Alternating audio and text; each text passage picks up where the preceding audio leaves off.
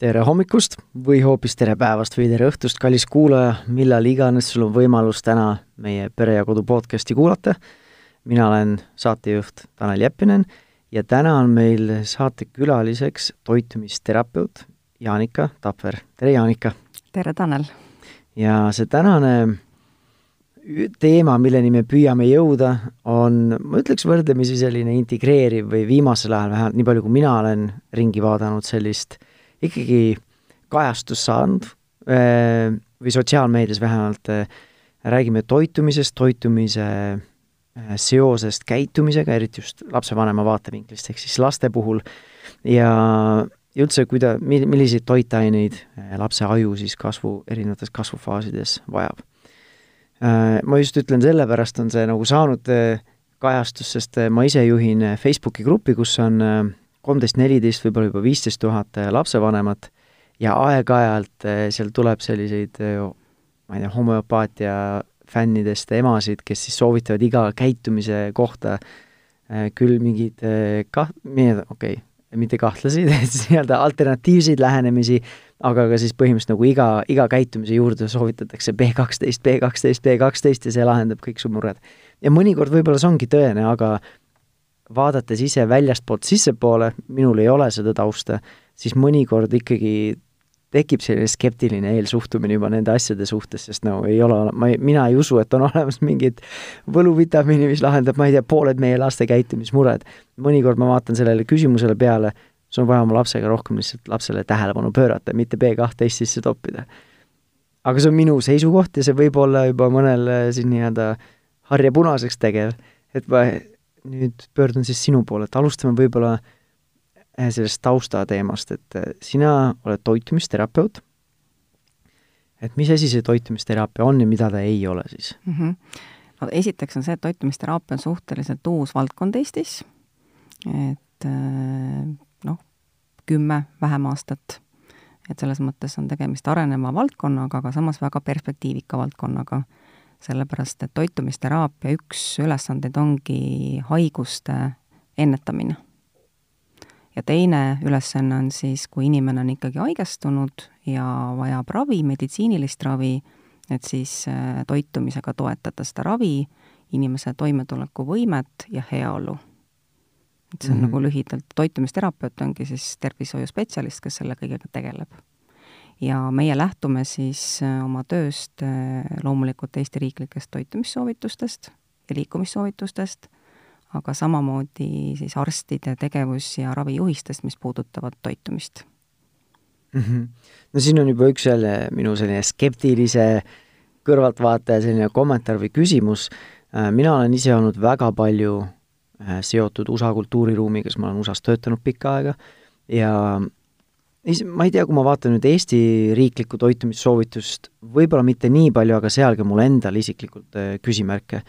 aga kui ma vaatan näiteks USA sellist toitumispüramiidi, siis äh, see on nii-öelda potentsiaalselt ikkagi väga suure lobitöö tulemus ja need muutused seal toitumispüramiidis või soovituses on väga aeglaselt tulema, isegi kui tegelikult selline teaduslik põhi on olemas, et miks võiks muuta mingeid soovitusi, mis on ajast ja arust juba paigas aga siis see poliitika või poliitikud ja poliitika selline valdkond või äh, osapool on siis väga nagu äh, ma ei tea vas- äh,, nii-öelda kergelt ikkagi vastu, vastu, vastuseis on seal olemas, et muuta nii-öelda neid soovitusi, kuigi teaduslik põhi on nagu olemas.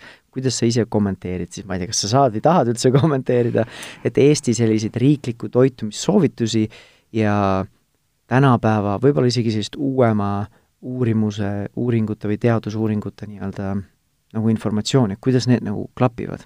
jaa, mina ütleks niimoodi, et Eesti riiklikud toitumissoovitused on äh, hea tervislik toitumine. nüüd, äh, kui me räägime haiguse ennetamises, haiguste ennetamisest, siis me Eesti Toitumisteraapia Assotsiatsioonis oleme seda püramiidi tõepoolest natuke kohendanud. et äh, me oleme sinna püramiidi kõige alumisse otsa lisaks köögiviljadele äh, ja, ja siis äh, rohelisele lehtviljale, teraviljale toonud ka puuviljad ja marjad, mis on samamoodi üliolulised igapäevaselt, siis oleme suurendanud kasulike rasvade osakaalu, me lähtume ka Põhjamaade toitumissoovitustest. Ja ära oleme võtnud kommid, magusad joogid sealt ülevalt tipust üldse. ja ka alkoholi. Ma viimasel ajal äh, just märkasin, keegi tuttavatest jagas mulle, ma ei mäleta, mitu aastat vana, mingit Tai äh, Tervise Arengu Instituudi mingit postrit, kus siis oligi soovitatud teismelistele tarbida puuviljamahlasid, mis on suhkruid täis, noh. et, ähm, et see ongi selline, et see on üks nagu koht, kus see skep-, skeptiline suhtumine tuleb, et äh, või noh, kas või vaadata neid teraviljasid ka, et ma, mina isiklikult, see on minu isiklik arvamus, mul ei ole teaduskraadi, et mingit jahu sisse toppida endale päevast päeva iga toidukorraga, see ei tundu tervislik olevat, lihtsüsivesikuid süüa pidevalt. just, tegelikult tegemist on siis täisteraviljaga, mis on aeglaselt imenduv ja sealt me saame näiteks kätte B-grupi vitamiinid, et selles mõttes, kui ei ole talumatuseid, siis ikkagi teravili on omal kohal, kus äh, lisaks siis äh, süsivesikutele on ka seal taimne valk ja tegelikult on väga tervislik kombineerida loomset ja taimset valku. et need aminohapped on ka erinevad ja, ja selleks, et keha siis kõik vajalikud aminohapped kätte saaks, et selles mõttes on teravili oluline, aga kindlasti rafineerimata, mitte rafineeritud mm. -hmm selle juures, kui me juba peatume, sest ma olen nii-öelda hobi korras selline ka nagu toitumisentusiast, et vaatad igasuguseid informatsioone ja ja noh, tänapäeval on nagu nii keeruline, et sa vaatad äh, ükskõik millist dokumentaalfilmi, peaaegu iga dokumentaalfilm on toodetud mingi agendaga seltskonna poolt. et äh, viimasel ajal oli Netflixis see äh, mis see eesti keeles tõlgitud, mängumuutjad või Game Changers, mis toetas siis ta taimset toitumist, aga seal ka vaadata nii-öelda neid teadlasi, kes siis kommenteerivad seda, siis see on väga aukliku nii-öelda, auklikule vundamendile ehitatud nii-öelda dokumentaalfilm.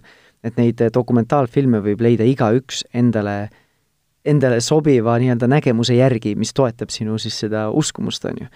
et teine selline viimasel ajal, paari aastaga, mis ma, minu nii-öelda orbiidi alla on tulnud või tähelepanu alla on, siis see on see Stephen Gundry äh, äh, raamat, kus ta siis rääkis just taimede äh, üks on siis see gluteen, mis meil on ainult teraviljades või on vist teraviljades enamasti? teraviljades on gluteen, jah.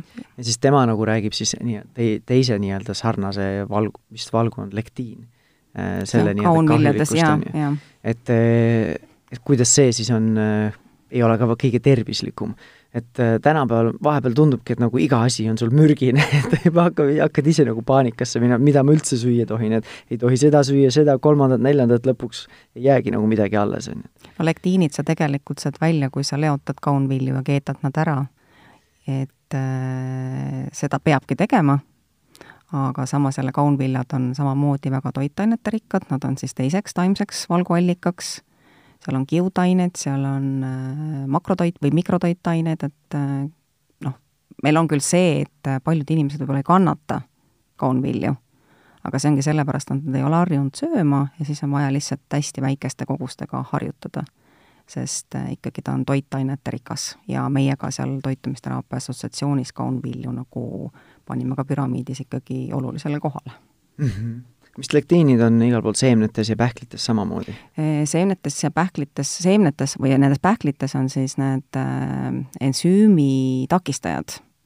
sellepärast, et äh, pähkel ei hakkaks kasvama ja, ja seetõttu on vaja ka neid leotada, et siis äh, pähkel saab, nii-öelda kui pähkel on siis vees, siis ta on nagu omas loomulikus keskkonnas ja siis kaovad ka need äh, ensüümi takistajad nagu ära mm. ilmselt võiksime terve selle saate ära sisustada kõikide nende moedieetidega ja, ja, ja erinevate, erinevate selliste hirmulugude võib-olla kummutamisega, aga peatame selle mõtterongi praegu siin, muidu me läheme siit kuskilt spiraalist väga kaugele alla nagu no..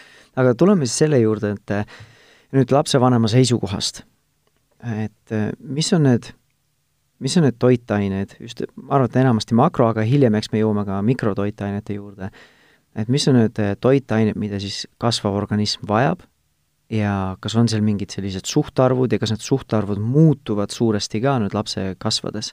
et kui mina ise olen uurinud näiteks just kasvatusliku psühholoogia poole pealt, et aju läbib kõige suuremaid muutusi just kõige rohkem siis lapse, väikelapse eas ja siis nii-öelda eelteismelise, teismelise eas, et kas äh, toitainete vajadused muutuvad ka lapse arenedes? No kõigepealt alustame siis nendest proportsioonidest, et äh, üldreegel on ikkagi see, et äh, inimorganism vajab siis süsivesikut äh, seal kusagil viiskümmend, kuuskümmend protsenti ja kui me räägime süsivesikutest, siis me räägime kvaliteetsetest süsivesikutest. see tähendab, see tähendab seda, et nad on kiudainete rikkad ja nad on aeglaselt imenduvad. me ei räägi siin rafineeritud valgest saiast, suhkrust, mis on siis see kiire süsivesik mm., mida sageli Äh, just tarbitakse, sellepärast et äh, seeläbi saadakse kiiresti see energia kätte. kas pastatooted võib ka sinna panna või? pastatooted on äh, niimoodi, et kui sa pasta keedad ära, lased maha jahtuda ja siis uuesti soojendad, siis tekib seal see resistentne tärklis. samamoodi nagu kartuliga? täpselt samamoodi nagu kartuliga ja siis on tegelikult, pasta on kiudaine ja kui pastatooteid kasutada, siis ikkagi soovitame täistera. me teame seda, et lastele see ei meeldi, aga on tulnud müügile ka selliseid alternatiive, mis juba ei ole nii väga puised ja nii väga nagu eristuvad, tuleb lihtsalt leida see õige toode ja noh, harjutamiseks on hea ka panna näiteks pooleks, et pool on siis seda rafineeritud ja pool siis äh, täistera mm. -hmm me oleme ise kodus kasutanud ka tatrajaust tehtud äh, pastatooteid. no kas nad söövad neid? No ikka söövad, meil on lapsed suhteliselt väiksest saati harjunud erinevate mm. asjadega, et lapsed eelistavad brokolit ja lillkapsast eh, mingitele muudele snäkkidele ja nii edasi. kui vanad nad on? viiene ja kahene, et mm. -hmm mul ka eelistas sel, selles vanuses no, siis need asjad muutuvad, eks see nagu, nagu paljudki, paljudki muud asjad, aga tuleme siis tagasi nüüd nende pro-, pro-, pro, proportsioonide juurde. ma tahaks selle süsivesiku juurde no. korraks jääda, saad sa siis tuua näite, mis on sellised head allikaid ja selle pasta jahutamise juurde, siis kas me peaksime hakkama siis äh, teise päeva pasta, pastaid ja roogasid sööma, mitte nagu samal päeval sööma neid. et kui oluline see tegelikult vahe on, et on see tegelikult nagu ma ei tea, kas biokeemiliselt tegelikult nagu märgatav vahe? seal on niimoodi, et kui sa sööd seda pastat, ütleme, sööd pastat juustuga näiteks, paned rohkelt valku ja siis paned salatit ja siis, äh, siis ta tegelikult on see, et ka see valk ja, ja see köögivili seal kõrval ja rasvad need nagu äh, aitavad siis sellel süsivesikul aeglasemalt imenduda. aga kui sa sööd lihtsalt pastat ja ketšupit, noh, sel juhul ma tõepoolest soovitaks, soovitaks selle nagu ära keeta mm, -hmm. lasta maha jahtuda ja siis uuesti soojendada. et äh, see on üks oluline nipp ka, mida noh, väga soovitame kasutada, et äh, süsivesikute kõrval alati, et oleks valk või oleks rasv et siis see süsivesik imendub aeglasemalt ja, ja noh, ma usun, et me täna kindlasti räägime sellest veresuhkrust, et aitab hoida seda veresuhkru taset stabiilsena, mis on oluline nii käitumise poolest lastel, et vältida siis käitumishäireid, aidata õppimisvõimet suurendada ja üleüldist sellist head enesetunnet ehk siis see, on see peamine või see on üks nii-öelda kvalitatiivsetest sellest teguritest, mis muudab selle süsivesiku siis kvaliteetsemaks, äh, just see imendumise kiirus või on neid muid tegureid no kiudained selles mõttes ikkagi, et süsivesik oleks kiudainete rikas ja, ja see imendumine ongi põhiline. noh, mhm. pluss see veel, et mis toitainet sa saad, valges suhkrus sa ei saa mitte midagi kas selle süsivesikuga kaasneb ka muid mikro sellist toite, mis annavad no, sulle ikka, ikka, ikka, sellepärast ja, et tegelikult ju ka õun, marjad, need on kõik süsivesikud mm. -hmm. et sealt sa saad ju, sa saad vitamiine, sa saad mineraalaineid, sa saad veel neid taimseid toitaineid, erinevaid antioksüdante, et äh, siis iga... vahe on, kas ma söön valget saia või õuna, on ju? see on nagu väga suur vahe ja veel suurem vahe on, kui sa sööd valget saia või marju, sest tegelikult marjades on äh, neid mikrotoitaineid oluliselt rohkem kui puuviljades. ja mõtlesingi, et see mikro- ja makrotoitainete see suhtarv on, on hoopis teisele poole kaldu, sest marjades väga palju neid süsivesikuid grammide, saja grammi kohta ei ja, ole nagu. jaa, just, noh, sõltub muidugi marjast, aga aga no ütleme niimoodi, et kui selline noh, rääkides siis vahepaladest, eks ole, ma loodan, et me jõuame ka sellest täna rääkida, aga põhimõtteliselt peaks nagu põhitoidukordade vahel sööma vahepalasid, siis äh, üks vahepala, näiteks üks õun, peotäis mandleid või pähkleid aga samal ajal maasikaid võid sa sinna süüa pool kilo ära, et sa saad ikkagi, see glükeemiline koormus on siis selle võrra nagu madalam, et üks õun või pool kilo maasikaid näiteks mm. -hmm. oskad sa mõned head näited tuua lihtsalt äh, nendest kvaliteetsetest süsivesikutest siin? ongi marjad mm, -hmm. siis on köögiviljad, siis on täisteratooted, noh, need on nagu sellised põhilised mm. -hmm. Need äh, süsivesikud siis lapse toidulauast võiks seesida umbes viiskümmend, kuuskümmend protsenti siis kaloritest või siis kaalult või? et päevaenergiast. päevaenergiast kaloritest siis või kilokaloritest? jaa, jaa. et me võime pärast rääkida ka taldriku reeglist, mis on siis selline piltlik, et, et ei pea nagu kaaluma ja ei pea kaloreid mm, -hmm. kaloreid mõõtma, nii, nii. järgmisena? siis on rasvad rasvad on nüüd väga-väga olulised, sellepärast et äh, rasvad osalevad kõikide rakumembraanide ülesehituses, meie aju koosneb rasvadest ja ka kõik hormoonsüsteem tegelikult saab alguse rasvadest. et ehk siis, kui ei ole rasvasid, siis võivad tekkida arenguhäired. ja siinjuures ma tahaks rõhutada, et äh, peab olema siis ikkagi suurem osakaal taimsetel rasvadel, ehk siis küllastamata rasvad mm -hmm. ja vähem pigem neid äh, loomseid rasvu. ja eriti olulised on lastele oomega-3 rasvhapped, need on asendamatud, keha neid ise ei tooda. Ja seda tähendab seda, et me peame nad ikka kätte saama toidust. ja toiduallikatega on siis see, et, et põhiline allikas on kala.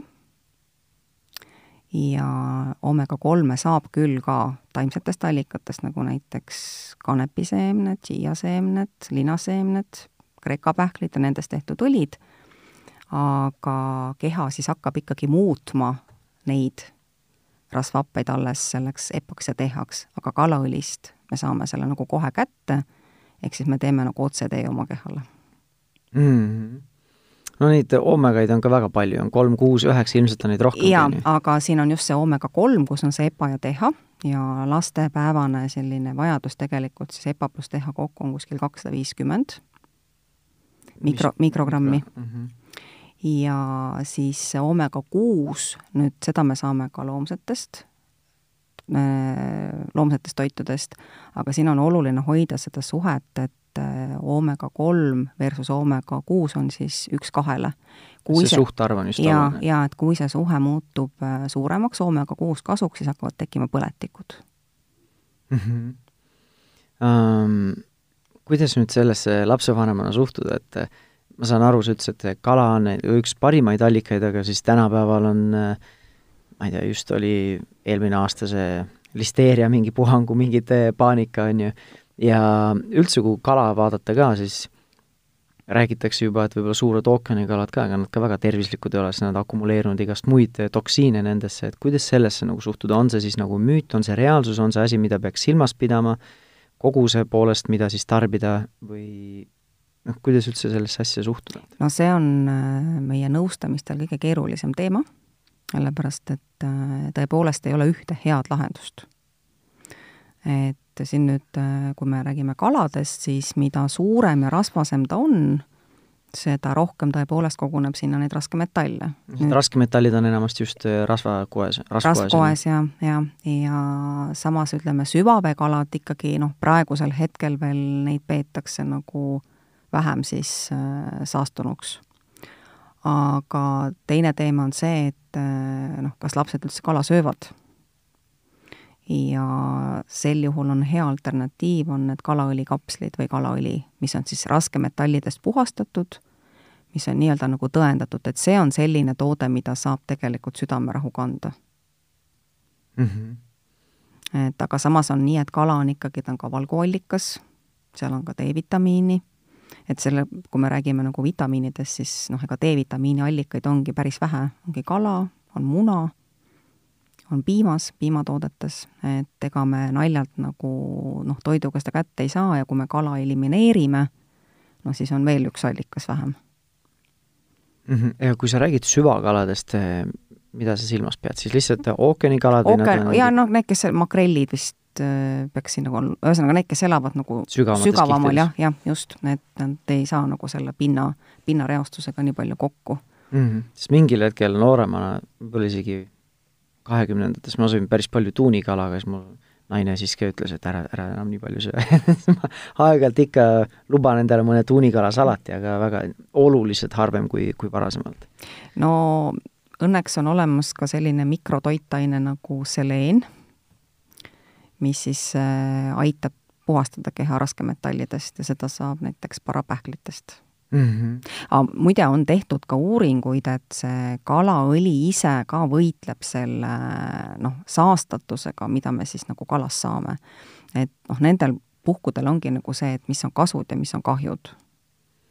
ja kui me nüüd räägime nendest kalaõlidest, siis äh, tundub, et nagu iga mingi aja tagant tuleb välja järgmine uus turundustrikk, et nüüd äh, kalaõlid ei olegi kõige paremad, nüüd on hoopis mingid äh, krevetilistest ma ei tea, välja töötatud või imetud või mis iganes viisil välja saadud õlid, et see on see kõige parem asi, see on mit-, mitu korda efektiivsem kui kala, tavaline kalaõli ja nii edasi, et kuidas nendesse suhtuda, on need lihtsalt turundusnipid või on tegelikult kalaõlil ja kalaõlil vahe, et kas ma ostan nüüd selle tavalise või siis ostan, ma ei tea, kaks-kolm korda kallima kalaõli? no mina lähtun sellest, et ta peab olema raskemetallistest puhastatud ja siis on, mis on see EPA ja TH äh, suhe ja siis äh, palju neid on seal. sa mõtled ilmselt grilliõli, see krevitilistest, jah. et meil on kodus mõlemad. laps sööb mul grilliõli, ma ise söön kalaõli sellepärast, et laps saab kallimat või jaa, ikka, laps on ju väärtuslik. tegelikult on sellepärast niisugune praktiline põhjus, et äh, ta ei suuda neelata suuri kapsleid mm -hmm. ja see grilliõli on, äh, ta on siis väiksem, seal on ka vähem neid epasi ja tehasi ja samas ta on selline huvitav, ta ei ole nii-öelda see kalaõli, sest ega lapsed, noh, minul on üksteist tüdruk. ja ega ta ei taha väga olla see, kes nüüd mingit kalaõli kapslit sööb, et see on nagu piinlik et siis ta sööb grilliõli. aga on reaalselt imendumisel vahet või tegelikult väga suurt ei ole sest...? ebateha on ikkagi selles mõttes, ta käitub organismis sarnaselt et.... on seal mingid tugiained, mis aitavad paremini imenduda või? ma, ma ei tea seda. turundus, turundusvärk? ma mingi hetk ka uurisin, et ma nüüd mingi, ühesõnaga ühel on ühed kasud, teisel on teised kasud, et ega siin nagu sellist ei ole, et üks on nüüd üle, üle teisest et noh, pigem on see, et fifty-fifty, äh, nagu võrre-, võrreldavad asjad? ikkagi no. võrreldavad, jah. nii, ja nüüd kolmas makrotoitaine? ja kolmas on siis valgud.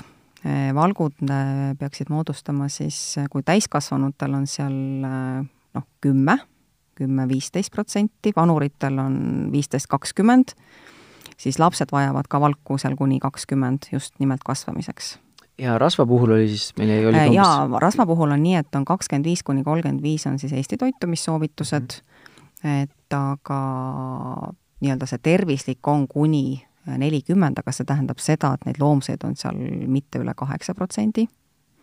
et ülejäänud on ikkagi siis need monoküllastamata ja polüküllastamata rasvhapped mm. -hmm. et siis süsivesikud olid umbes viiskümmend, kuuskümmend protsenti kaloraažist kakskümmend viis, kolmkümmend viis, noh, ta võib minna sinna neljakümneni ja siis äh, valgud on kümme, kakskümmend. Mhm. ja valkude puhul on nüüd ka mõned olulised asjad, on see, et äh, valkusid tegelikult ei tohiks üle tarbida. sellepärast, et äh, valgud, kui neid on liiga palju, siis nad jäävad seedimata, nad satuvad verre ja põhjustavad ka, ütleme, psüühikas võivad põhjustada häireid, see on number üks. number kaks on see, et nad tekitavad seedeprobleeme ja mida tuleb veel jälgida, on see, et äh, loomseid ja taimseid valke tegelikult äh, tuleks kombineerida. et siis saab neid erinevaid aminohapped kenasti kätte. et valgust toodetakse siis aminohapped. ja mis on veel nii-öelda kasulik vaadata, jälgida, et korraga ei tarbiks äh, mitut valku et see on jällegi siis seedimisel on parem, loomulikult sa ei saa alati nagu valkusid on põhimõtteliselt igas toidus ju nii või teisiti no selles mõttes, et kui sa võtad nüüd taldrikureegli, eks ju, näiteks panedki sinna see, pool paned siis köögivilja, millest ka osa on siis no, kuumtöödeldud, osa on toores, siis veerand on valku, kas ta on siis liha, on ta kala, on ta mingi kaunvili, on ta kodujuust ja siis veerand on süsivesik. et sa ikkagi võtad nagu selle ühe, mitte sa ei söö näiteks, ütleme, kõige hullem toit, mis kõhule ja üleüldse seedimisel on näiteks kartulisalat, kus sul on siis muna, mingi lihaline, siis on hapukoor, noh, mida veel? Mm.. ma mäletan, kui ma käisin äh, noorema nii-öelda järjepidevamalt jõusaalis, siis oli ikka hea firmakas, lõpus oli, õhtusöök oli kodujuust ja tuunikala. Noh, minul on tulnud kliendid, kes tulevad probleemidega sellepärast, et nad on niimoodi söönud. ei, ma ei ütlegi, et see on nüüd see, kuidas ja. keegi peaks tegema, ma mäletan sellele, selle kont-, selle jutu kontekstis mul tuli meelde, et see on täpselt see, mida mina tegin, et mm -hmm kõrge valgusisaldusega, et ikka tuleb valku kõvasti saada, et ju pumbata lihaseid. aga see oli ka teine eesmärk kui tervislikult toituda? ei no kindlasti ju tahtsid mm Mhm. -hmm. tervislikult ka, aga tahtsid, et see läheks asja, et, et sa Mhm. näeksid võib-olla kiiremini või rohkem või suuremaid tulemusi. valguga on niimoodi, et seda saab ka arvutada siis äh, oma kehakaalu kohta, et äh, tavainimesel on null koma kaheksa kuni üks koma kolm grammi ja sportlasel on siis kuni seal üks koma kuus, üks koma seitse ja noh, loomulikult kui sa oled kulturist, et siis on juba noh, teised, teised arvud. no mina kulturist kindlasti ei ole, kui mind vaadata nooremana võib-olla unistused olid, oli, olid suuremad kui praegu kuidas praegu välja näed, aga no lihtne on see, et üks gramm kehakaalu kohta, et siis mm. -hmm. siis sa tead, et, et sa saad oma koguse kätte. ja on see enam-vähem sarnane siis kasvava organismi puhul või needsamad kas- jaa. need suhtarvud, mida me rääkisime mm. -hmm. siin praegu, enam-vähem viiskümmend, kuuskümmend süsivesikuid, ümmarguselt kakskümmend viis, kolmkümmend viis kaloraažist valg-, rasvast, rasvadest ja kümme, kakskümmend siis valkudest, kas kasvaval organismil need vahekorrad on mingis perioodis oluliselt erinevad või suht-, suurusjärk on ikkagi sama? oluliselt erinevad ei ole, aga kindlasti on kriitiliselt oluline on valgud, et need ei tohi seal alatäituda, sellepärast et kasvav organism, tegelikult valgust ju moodu-, moodustatakse kõik kehastruktuurid, mm. -hmm. Et lihased, külglused, aju vajab valke, noh, kõik, kõik, kõik. et selles mõttes, et see valk on nagu kriitiline. ja, ja aga noh, muu, muus osas ei ole nagu mingit sellist väga, et, et need noh, ikkagi enam-vähem, see on selline tervislik ja toitumine. mis on sellised kvaliteetsed valguallikad? kvaliteetsed valguallikad loomsetest on siis lihakala, muna, piimatooted ja taimsetest ongi siis seemned, pähklid, siis on kaunviljad, teraviljad. enamus nende taimsetega, nagu me vaatame seemneid ja pähkleid, seal tuleb, selle valkudega tuleb vähemalt sama palju rasva ka kaasa, et jaa, aga valk on siis kümme, kakskümmend protsenti päevaenergiast, kuigi jah, ütleme, et valk annab siis üks gramm valku annab Mhm. mm -hmm. neli kilokalorit, üks gramm rasva annab üheksa, aga neid rasvu, mis sealt kaasa tuleb, et need ongi need, mida me keha vajab mm. -hmm. ja mida ka kasvav organism väga vajab. jaa, seda ma ei öelnudki, et nagu üm-, eemale peletada seemnetest ja pähklitest, ma ise tarbin neid ja lapsed meil söövad hea meelega pähkleid, aga just sellepärast, et kui ma näen pähklit kui ainult valguallikat või peamiselt, siis et ei ole seda, et seal tuleb nii-öelda muid asju ka kaasa. ta on rasvad, seal on mikrotoitaineid veel, et, et selles mõttes igat, igati kasulikud, aga noh, loomulikult tuleb teada, et ei oleks pähkliallergiat ja nagu me siis juba endiselt, ennist ka mainisime, et äh, pähklid on parem ära leotada, et siis nad seeduvad kergemini ja ei ärrita seedesüsteemi. see käib kõikide pähklite alla või? no põhimõtteliselt ta käib kõikide, sest ikkagi see pähkel on ju loodud nagu paljunema. nagu seeme põhimõtteliselt? põhimõtteliselt nagu seeme, et ta ei ole nagu algselt mõeldud inimtoiduks ja tema siis nii-öelda kaitseb iseennast mm. -hmm. et seal on see looduse. selge. nii, ja nüüd korraks tahaks veel äh, tagasi tulla, et sa nimetasid kvaliteetseks valguallikaks ka piimatooted. et selle kohta tänapäeval liigub ka igasuguseid jutte, et kas see piimavalk, eriti sellest masstööstusest tulnud piimatooted on üldse väga tervislikud. et kuidas sa selle, seda kommenteerid? selles mõttes, et loomulikult kõik sõltub sellest, alates sellest, et mida loomale on sisse söödetud, kuidas seda on toodetud. No väga tarbijana me selle, seda informatsiooni väga ei valda. seda me väga ei valda, et noh, alati on kindlam tarbida mahedalt kasvatatud piimatooteid. siis fermenteeritud piimatooteid me tegelikult vajame. ja selle all sa mõtled jogurteid või jogurtid, keefir põhiliselt siis, sest need aitavad toota häid probiootikume. et muidugi me saame probiootikume ka hapendatud mm -hmm. köögiviljadest, kurgist, kapsast. ma mõtlengi, kas äh, nii-öelda fermenteeritud äh, nii-öelda piimatoodetel on mingid eelised, kui ma söön kimchit või hapukapsast või selles okay. mõttes, et ikkagi kõik mõjub probiootikumina täna, nad võivad olla seal erinevad, aga noh, meie soolestik vajab häid baktereid ja kui me ei näiteks laps ei söö hapukapsast, laps ei söö hapukurki, et sel juhul ikkagi see keefir nagu aitab, et pigem ma soovitan süüa neid hapendatud tooteid, kui siis umbes täpselt mingit probiootikumi valida mm, -hmm. mida me tegelikult ei tea, kuidas ta toimib, et see on selline noh, kunagi ei tea. ehk siis hapendatud tooted toidavad siis nii-öelda meie tervis, nii-öelda häid nii-öelda soolebaktereid. baktereid ja samamoodi toidavad kiudainete rikkad, et ühed kiudained on siis nagu prebiootikumid ja siis need äh, hapendatud tooted on nagu probiootikumid. aga kuidas ma saan kindel olla, et need äh, samad asjad ei toida siis neid halbasid baktereid minu soolestikus noh, selles mõttes, et eh, vot seda ma ei oska bakter on bakter, et äh, bakter on bakter, aga nemad toodavad neid häid baktereid. ehk Okei. siis ütleme selles mõttes, et siis, kui nad aitavad nendel headel bakteritel toota, siis head bakterid vallutavad halvad bakterid ära. mm -hmm, selge.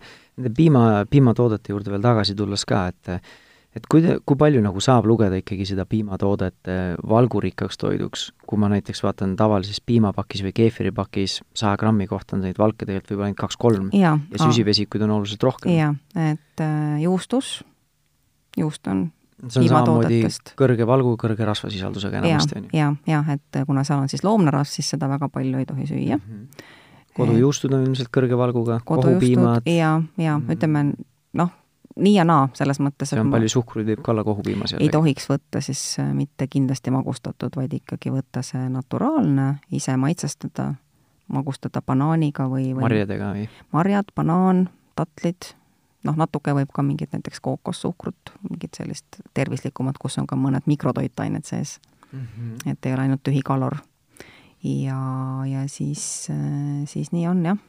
et aga need äh, inimesed, kes ei talu piimavalku kaseiini, noh, nemad muidugi ei, ei, neil ei piisa sellest, kui nad võtavad laktoosivabu piimatooteid.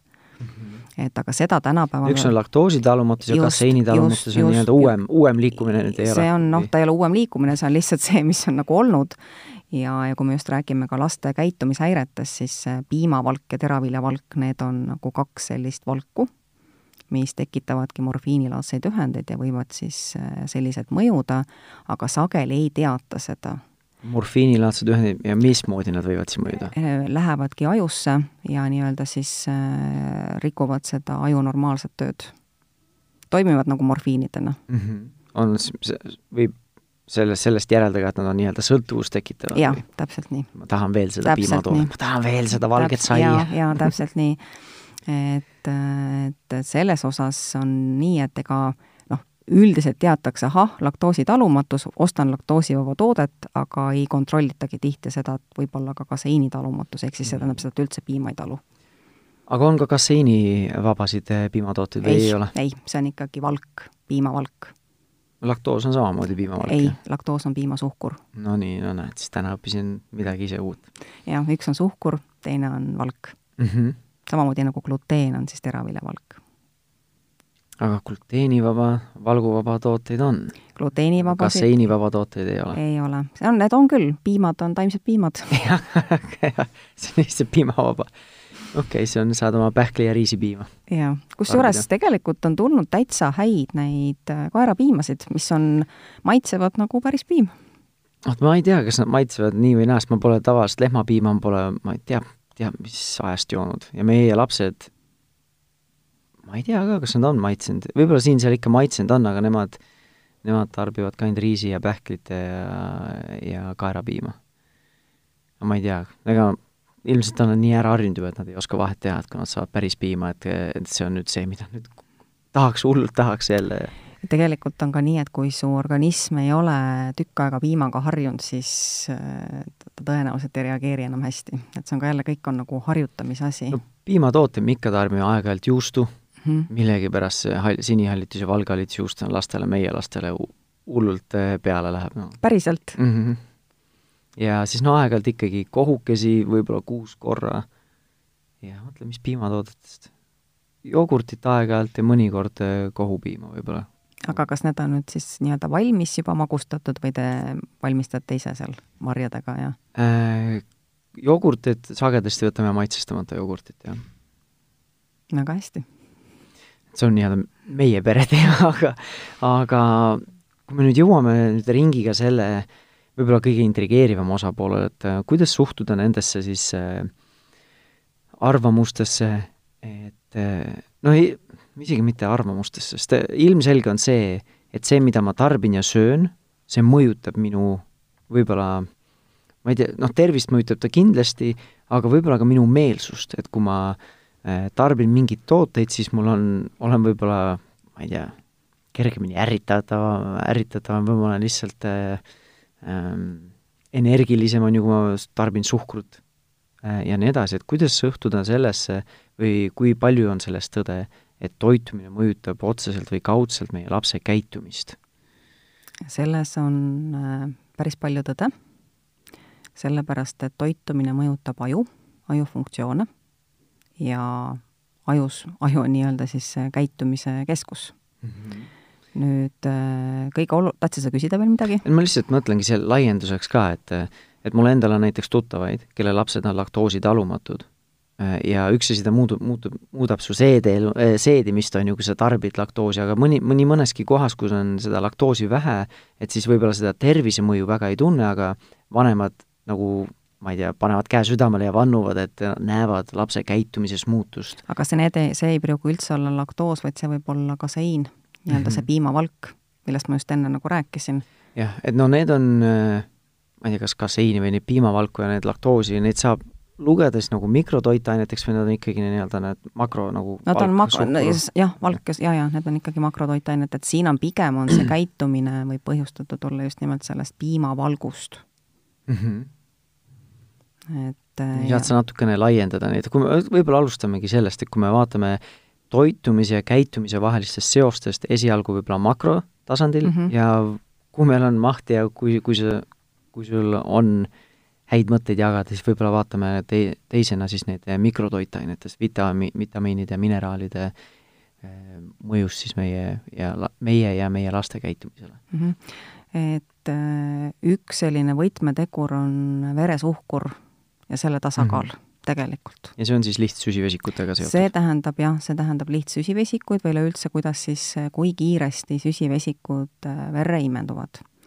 nüüd äh, trikk on selles, et äh, kui näiteks laps sööb ära suure koguse magusat, siis tal see veresuhkur läheb kiiresti hästi kõrgeks, keha hakkab tootma insuliini, insuliin siis teatavasti, eks ole, hakkab selle äh, glükoosiga tegelema, et teda siis äh, nii-öelda rakkudesse suunata ja ülejäägi siis äh, rasvarakkudeks teha.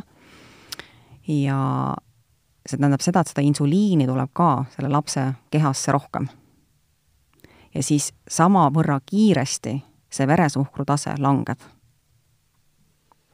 ja nüüd on nii, et kui see veresuhkur langeb, siis tekivadki kõik need ärrituvused, ärevused keskendumisvõime langeb, lapsed võivad muutuda agressiivseks, et see on selle langusega see on seotud. see langusega seotud, nii. selle tõusuga võib just olla nagu selline hüperaktiivsus ajutine olla, on ju? jaa, tõusuga on hüperaktiivsus ja langusega on siis kõik need nii-öelda motivatsioon läheb maha, kusjuures äh, dopamiin, mis on siis äh, nii-öelda see üks heaoluhormoonidest mm, -hmm. et liigne suhkur hakkab pärssima ka dopamiini tööd ajus ja see tähendabki seda, et lapsel kaob ära ka motivatsioon, nad muutuvad äh, endasse tõmbunuks, ükskõikseks.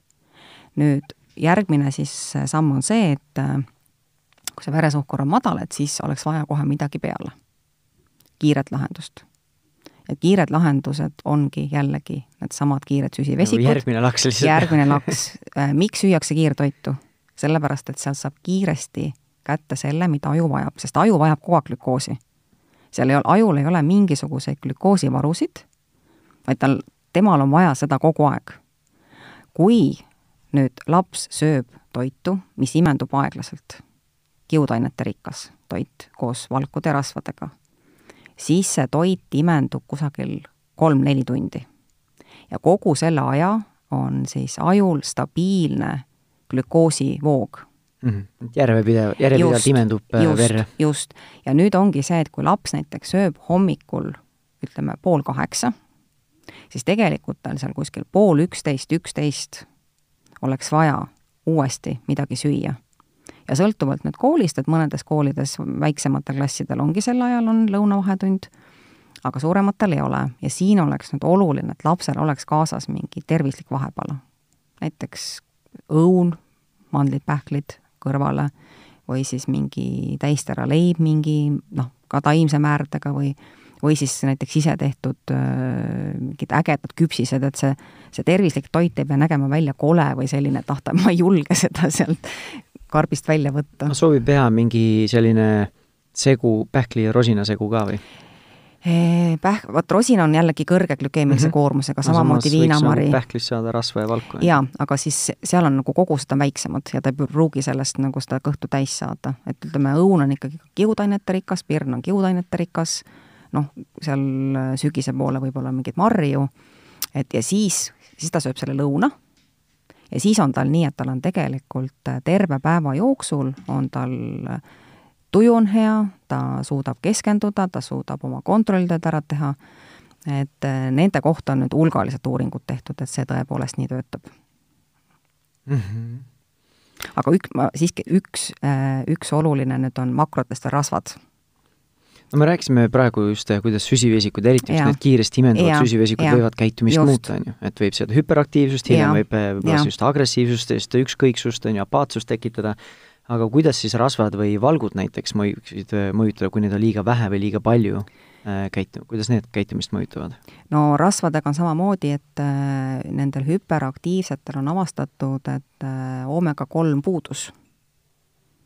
ehk siis, kui sul seda ei ole, siis tegelikult äh, kõik needsamad ärevused äh,, meeleolulangused, põletikud tekivad kehasse ja vastupidi siis, et kui ta on olemas, et siis ta töötab ajutööd oomega kolm on ka, on leitud, on rahustav mõju, selles mõttes, ta ei ole küll mingi rahusti, aga noh, selles mõttes, et see töö, mis ta siis nagu rakkudes teeb, et see tegelikult rahustab äh, lapsed maha. ja pluss see, et ta teeb need rakukestad pehmeks, nii et kõik need to-, ülejäänud toitained saavad ka siis imenduda. samal ajal, kui äh, need hüdrogeenitud või osaliselt hüdrogeenitud ehk transrasvad muudavad rakud kõvaks ja tugevaks ja siis ei pääse ka need toitained sinna rakkudesse ligi, et isegi kui laps sööb siis vitamiinide, mineraalainete rikast toitu, siis keha ei omasta neid, et selles mõttes ütleme, see rasv on, on ka nagu siin omal kohal. ja valgud on ka siis ikkagi ajutööks, aju vajab erinevaid aminohappeid ja seda me siis saame valkudest mm. -hmm. võtame nüüd siis äh teise kategoorias need mikrotoitained, et mm -hmm. kui tänapäeval on võrdlemisi palju ikkagi informatsiooni, mis äh, käib just näiteks nende e-ainete kohta, küll värvainete kohta, kuidas need mõjutavad käitumist, äh, või ka siis see naatriumglutama-, glut-, glutamanaat, glut-, glutamaat, glutamaat, jah, jah. Mhm. et ähm, kas on see selline universaalne asi või on siin ka populatsioonis Äh, teatud inimesed, kes on nagu ülitundlikud mingitele e-ainetele. Äh, ja et nagu geneetiliselt on vastuvõtlikumad nendele ja mõjutatud rohkem nendest, ja teine osapool küsimusest ka, et kas äh, näiteks täiskasvanud on vähem mõjutatud nendest e-ainetest kui näiteks kasvav organism? jaa, täpselt nii ongi, et kasvav organism on nendest oluliselt rohkem mõjutatud. Ja eriti siis väikelapsed ja mis need äh, nii-öelda kahjulikud ained on, siis ongi värvained, sünteetilised värvained, teatud värvainetel on lausa kohustus kirjutada pakendile, et tekitavad ärevust. on see Euroopa Liidus ja Eestis e samamoodi? sest ma ei ole isegi, mina ei ole neid mina, silte näinud. mina olen näinud, mina olen näinud, aga nad ei ole kõigil, selles mõttes, et äh, järelikult ei ole meil kontroll piisavalt tugev, aga need on siis nii-öelda need asovärvid aga mm -hmm. lisaks nendele asovärvidele on ju veel tegelikult hulk teisi sünteetilisi värve samamoodi. ja asovärvid, see on mingi lühend millestki või kui keegi kuulab ja esimest korda kuuleb nende kohta, aga tahaks tegelikult uurida, et mis, mis need no, ongi, selles mõttes ta ongi, nimetus ongi asovärvid, need on E sada kümme, sada kaks, sada neli, sada kakskümmend kaks, sada kakskümmend neli ja sada kakskümmend üheksa kõik on, esimene number on üks vähemalt. üks, kaks, üks, üks, tegelikult jah, ütleme seal siis sada kaks kuni sada kakskümmend üheksa okay.. aga seal on, ütleme ka saja kolmekümnega on tegelikult neid, mida noh, mina isiklikult nagu üritan ikkagi vältida ja olen ka nii-öelda inimkatsete peal siis näinud, et äh, käitumine muutub. oled lugenud või oled ise teinud olen, inimestega katseid? ma ei ole teinud, aga, aga mul laps aeg-ajalt ikkagi ostab. et see on vääramatu jõud ja siis ma olen, olen nagu näinud, et mis siis toimub, et on ikkagi vastuvõtlik ja, ja kohe täiesti niimoodi, et väga suur vahe on. ja siis neutraliseerin siis äh, grilliõli kapsliga mm. -hmm. et siis ta mõne aja pärast läheb. see on üks asi, ma ei tea, kas see on nüüd siis meeste ja naiste asi või siis ma ise olen harjunud sellega ja võtnud selle nagu noh, ei, ma ei, see ei ole minul nagu fookuse all, sest mu naine on väga tundlik nendes, nendes teemades ja tema nagu väga pingsalt jälgib, mida ta koju ostab, mida ei osta, mis e-ained on või, või ei tohi olla, või mille puhul nagu võib silma kinni pigistada. et mina olen nii-öelda läbi tema nagu natukene võib-olla teadlik, aga ega ma väga palju nendest asjadest ei tea. et äh, mida siis nagu peaks nende e-ainete puhul silmas pidama, et on nad kõik nii-öelda siis kuskil äh, mustas nimekirjas peaksid olema lapsevanemana või, või päris nii ei saa lüüa ühe vitsaga, sest igast säilitusained on ka need paksendajad, äh, need kõik on, kõik on ju e-ained. jaa, ei, kõik ei ole kindlasti ja e-ainete hulgas on ka näiteks sooda või, või sidrunhape näiteks. et jutt käib ikkagi sünteetilistest. kuidas neid siis eristada? Nendest no, enam-vähem okeidest teha. ütleme niimoodi, et ega siin muud ei ole, need tuleb lihtsalt endale selgeks teha, noh, mis veel on, on et vahel tootjad nagu ei pane mitte neid e-aineid, vaid panevad nimetused. Ja siis on väga lihtne, kui nimetus on selline, mida sa välja lugeda ei suuda või mida sa ei tea, siis parem ära võta seda. Et see on selline noh, võib-olla ka niisugune lollikindel turundusteema jälle, et kui e-ainete vastu on inimesed juba tundlikud, siis ma kirjutan ja, välja mingi ja, kaherealise sõna. aga siis äh, see teeb tegelikult tarbijale lihtsamaks, et sealt, sealt on näha, mis, mis see tegelikult on, et mm -hmm. et on värvained, on säilitusained, on siis veel on need kunstlikud suhkrud, mis samamoodi leidub näiteks, nätsud on täis neid, aspartaam, atsesulfaam, sahharoos see aspartam on teine teema, mida ma, mille, kohta ma olen kuulnud palju kodus, et et see on, kas on, mõnedes riikides need on, kas on päris keelatud ka, on ju? jah, jah. seal on küll see, et äh, need uuringud on nii-öelda vastuolulised, et äh, ühed tõendavad ühte, teised tõendavad teist, aga noh, targem on lähtuda ikkagi sellest, et kui seal mingi oht on üleval, et siis pigem mitte. aga need ma-, suhkru magustaja või need asendajad on nätsudes, need on hambapastades, need on mahlades vahel. limonaadides. limonaadides, et maitseveed, et selles mõttes tuleb ikkagi nagu noh, tuleb olla teadlik, midagi ei ole teha, selles mõttes, et kui sa lähed ja haarad, siis sa tegelikult ei tea, mida sa oma lapsele sisse söödad või joodad. ja see ei mõju täna. see ei mõju võib-olla ka aasta pärast aga akumuleerub? aga ta akumuleerub ja, ja lihtsalt, kui me vaatame seda trendi, kui palju üha nooremad inimesed on, jäävad tegelikult tõsistesse haigustesse, siis kust see tuleb? ta tuleb ikkagi sellest, et meie toitumisharjumused on oluliselt Kes, keskkonnast ja selle, mis me ja, oma kehasse sisse lubame. ja, ja et äh, üks valeliigutus ei tee midagi, aga kui järjepidevalt, stabiilselt, noh siis ühel hetkel võib juhtuda, et keha lihtsalt annab alla mm. -hmm. no nagu öeldakse ka, et see toksilisus on doosis, on ju. Ja, ja mingites asjades siis tundub, et on see akumuleeruv efekt ka, et see ei ole see, et et see nagu mingi aja pärast teeme väikese sellise lähtestuse, et ma olen nullist tagasi. ei no keha ikkagi puhastab ennast okay. selles mõttes, et äh, aga noh, rasv, rasva ta kogub, eks ju, neid mürkaineid ja teine asi on see, et noh, võtame sellesama suhkru või, või siis suhkruasendajat, siin ei ole vahet, see ikkagi koormab äh, pankrest ta paneb seda insuliini tootma ja, ja see tähendab seda, et mingi hetk lihtsalt pankras väsib ära. ja samamoodi, kui me pidevalt äh, nii-öelda anname oma kehale mürke, siis mingi hetk ka võib-olla maks väsib ära, et kuigi noh, ta on loodud selles mõttes ju keha puhastama ja ja nii edasi, aga, aga noh, nii on lihtsalt mm. -hmm. ja kui sa rääkisid vastuolulistest uuringutest nende suhkruasendajatega näiteks, et siis see vastuolulisus ei tule sellest, et ühed ütlevad, et see on hullult kasulik ja teine ütleb, et see on kahjulik, vaid pigem, et kas ta on neutraalne või ta ei ole nii kahjulik, on ju. ütleme niimoodi, et küsimus on selles, et ta ei ole väga kahjulik. jah, et või kas ta on, kahjulik või, või väga kahjulik, jah noh, midagi sellist, jah. aga on, et suhkruasendajatest on suhkrualkoholid, on näiteks äh, eritrool, eritrool, et et äh, seda võib väikeses koguses tarbida, ta ei anna üldse energiat. Need on nullkaloriga, mul on kodus üks pakk endal olemas. aga noh, ta võib ka suures koguses ikkagi seedahäireid põhjustada, et noh, millegagi ei tohi nagu liialdada. aga samas on steeviad, on, ma ei tea, mis eesti keeles on, inglise keeles on mo-, monk fruit mm. -hmm. ma ei tea, mis ta eesti keeles on, kas Eestis on või ei ole neid. et kuidas nendesse nii-öelda nagu looduslikesse suhkruasendajatesse suhtuda, et nagu mingil määral nagu võiksid olla tervislikud või tervislikumad, aga samas ega seda uurimust, uurimustöid on ka oluliselt vähem nende kohta tehtud? no see stevia leht iseenesest on looduslik, eks ju, samamoodi no. nagu on näiteks kookospalmi suhkur, aga ta on ära töödeldud. ja selle kohta ei ole tõepoolest uuringut, et äh, kui ta on ära töödeldud, et mis mõju ta tegelikult siis avaldab mm. -hmm. ehk siis praegu, kui mingit selline rohkem teadlikum kuulaja kuulab, lihtsalt noogutab kaasa, sai palju kinnitust äh, mingitele uskumustele või arvamustele, aga samas äh, kui keegi esimest korda üldse kuuleb ja mõtleb nendele asjadele, siis see võib olla päris sellist äh, ma ei tea, mentaalset ülekoormust tekitav informatsioon olla, et nii palju asju, millele mõelda e, E-ained, makrod, mikrod ja nii edasi, ja me nende vitamiinide ja nendeni täna ei jõudnudki, et et iga asja peale B12 võtta ja saad terveks.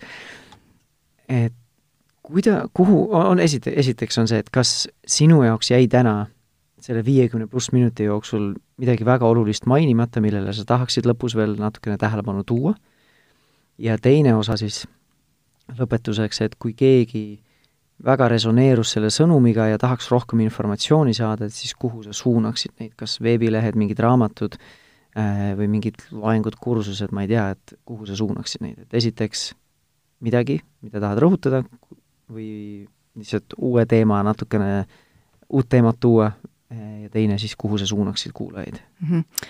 ma tahaks rõhutada seda, et äh, laste puhul on hästi oluline see, et see toidulaud oleks mitmekülgne, et äh, noh, ilmselt on kõik kuulnud vikerkaarevärvidest aga see tähendabki siis seda, et see ei tähenda e-aineid see ei tähenda just, et see vikerkaarevärvid ei tähenda mitte kommileti ääres vikerkaarevärvi kommide valimist, vaid see tähendab siis äh, köögivilja ja puuvilja letis. et tegelikult saab selle täiesti lapsega kohe mänguliseks teha, et las lähetegi seal, kui ta seal mingi, ma arvan, viiene nagu sul on, et lähete sinna letti ja las valib igast värvist ühe asja ja kui ta juba ise on selle valinud ja, ja kui sa siis veel ta seal söögi tegemisse ka kaasad, et küllap ta siis nagu selle lõpus ära ka tahab süüa. et äh, aga miks on vaja need eri vike või eri värvid, on sellepärast, et igas äh, siis taimes või igas selles värvis on oma need äh, taimsed toitained ja koos nad mõjuvad siis nagu kõige paremini et üleüldiselt ei ole mõtet nagu võtta nüüd üks tervislik asi ja seda siis hommikust õhtuni süüa vaid ikkagi hästi vaheldusrikkalt.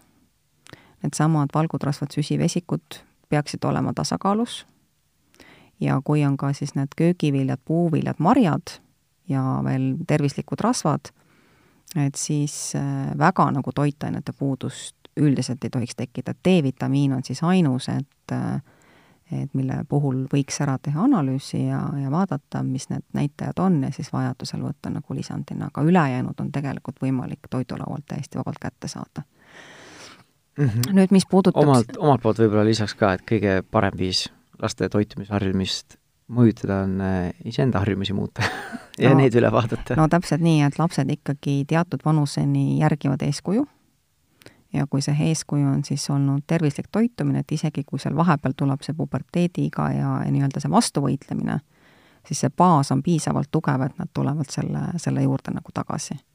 aga kui nad on harjunud sööma kiirtoitu, jooma neid äh, magusaid jooke, mis on veel tegelikult kõige kiiremini tõstavad selle veresuhkru taseme üles, noh, siis läheb natuke aega, et harjutada teda vett jooma ja selle tervisliku toitumisega, aga enda eeskuju on see number üks et selles mõttes. nii, ja kui rohkem teada, siis äh, Eesti Toitumisteraapia Assotsiatsioon korraldab erinevaid seminare, videoloenguid, siis äh, mind ennast võib leida Facebookis toitumisterapeut Jaanika Tapper, samamoodi jagan väärtuslikku nõu seal. Ja käin ka ettevõtetes rääkimas tervislikust toitumisest ja võtan inimesi vastu, kes tahavad rohkem siis kuulda ja iseendaga tegeleda ja eks kõik raamatud tegelikult, mis nüüd äh, noh, mis räägivad siis äh, toidust selles mõttes kui algallikast, et naturaalsest toidust, mis räägivad marjadest, mis räägivad köögiviljadest, et neid tasub lugeda ja noh, tegelikult ega ka need uuringuid ju tuleb kogu aeg peale ja see teadus areneb ja ka neid taimseid toitaineid ju uuritakse rohkem ja rohkem et noh, täna on hästi palju nuuritud kurkumit näiteks, et ongi põletikuvastane ja on vähivastane ja, ja töötab antibiootikumile võrdväärselt mm -hmm., noh. et aga neid teadmisi tuleb kogu aeg juurde et selles mõttes lihtsalt olla kursis ja lugeda ja kuulata. väga vahva, aitäh sulle, Jaanika! aitäh, Tanel, kutsumast! ja kuulajale ka, et siis Jaanika leiad Facebookist toitumisterapeut terapeut Jaanika Tapver. ja selleks korraks ongi kõik, kui tänane podcast oli sulle huvitav, oli meeltmööda äh,, läks sulle korda, siis meil on nii-öelda arhiivis juba kümneid ja kümneid podcast'e alates, oleme katnud mitu korda ka toitumisalaseid teemasid, aga äh, jõudes välja ka paarisuhteni äh,, spetsiifiliste laste kasvatamisega seotud teemadeni ja nii edasi, ja kõik need varasemad saated sa leiad kas oma nutitelefoni podcasti aplikatsioonist või rakendusest, Spotify'st ja ka Delfi ning Pere ja Kodu veebiväljaannetest. Ja kui sa soovid minuga ja kümne, kaheteist, kolmeteist tuhande teise lapsevanemaga suhelda, siis minu leiad sa Facebooki grupist Positiivne ja rahumeelne vanemlus. aga aitäh veel kord ja järgmise korrani!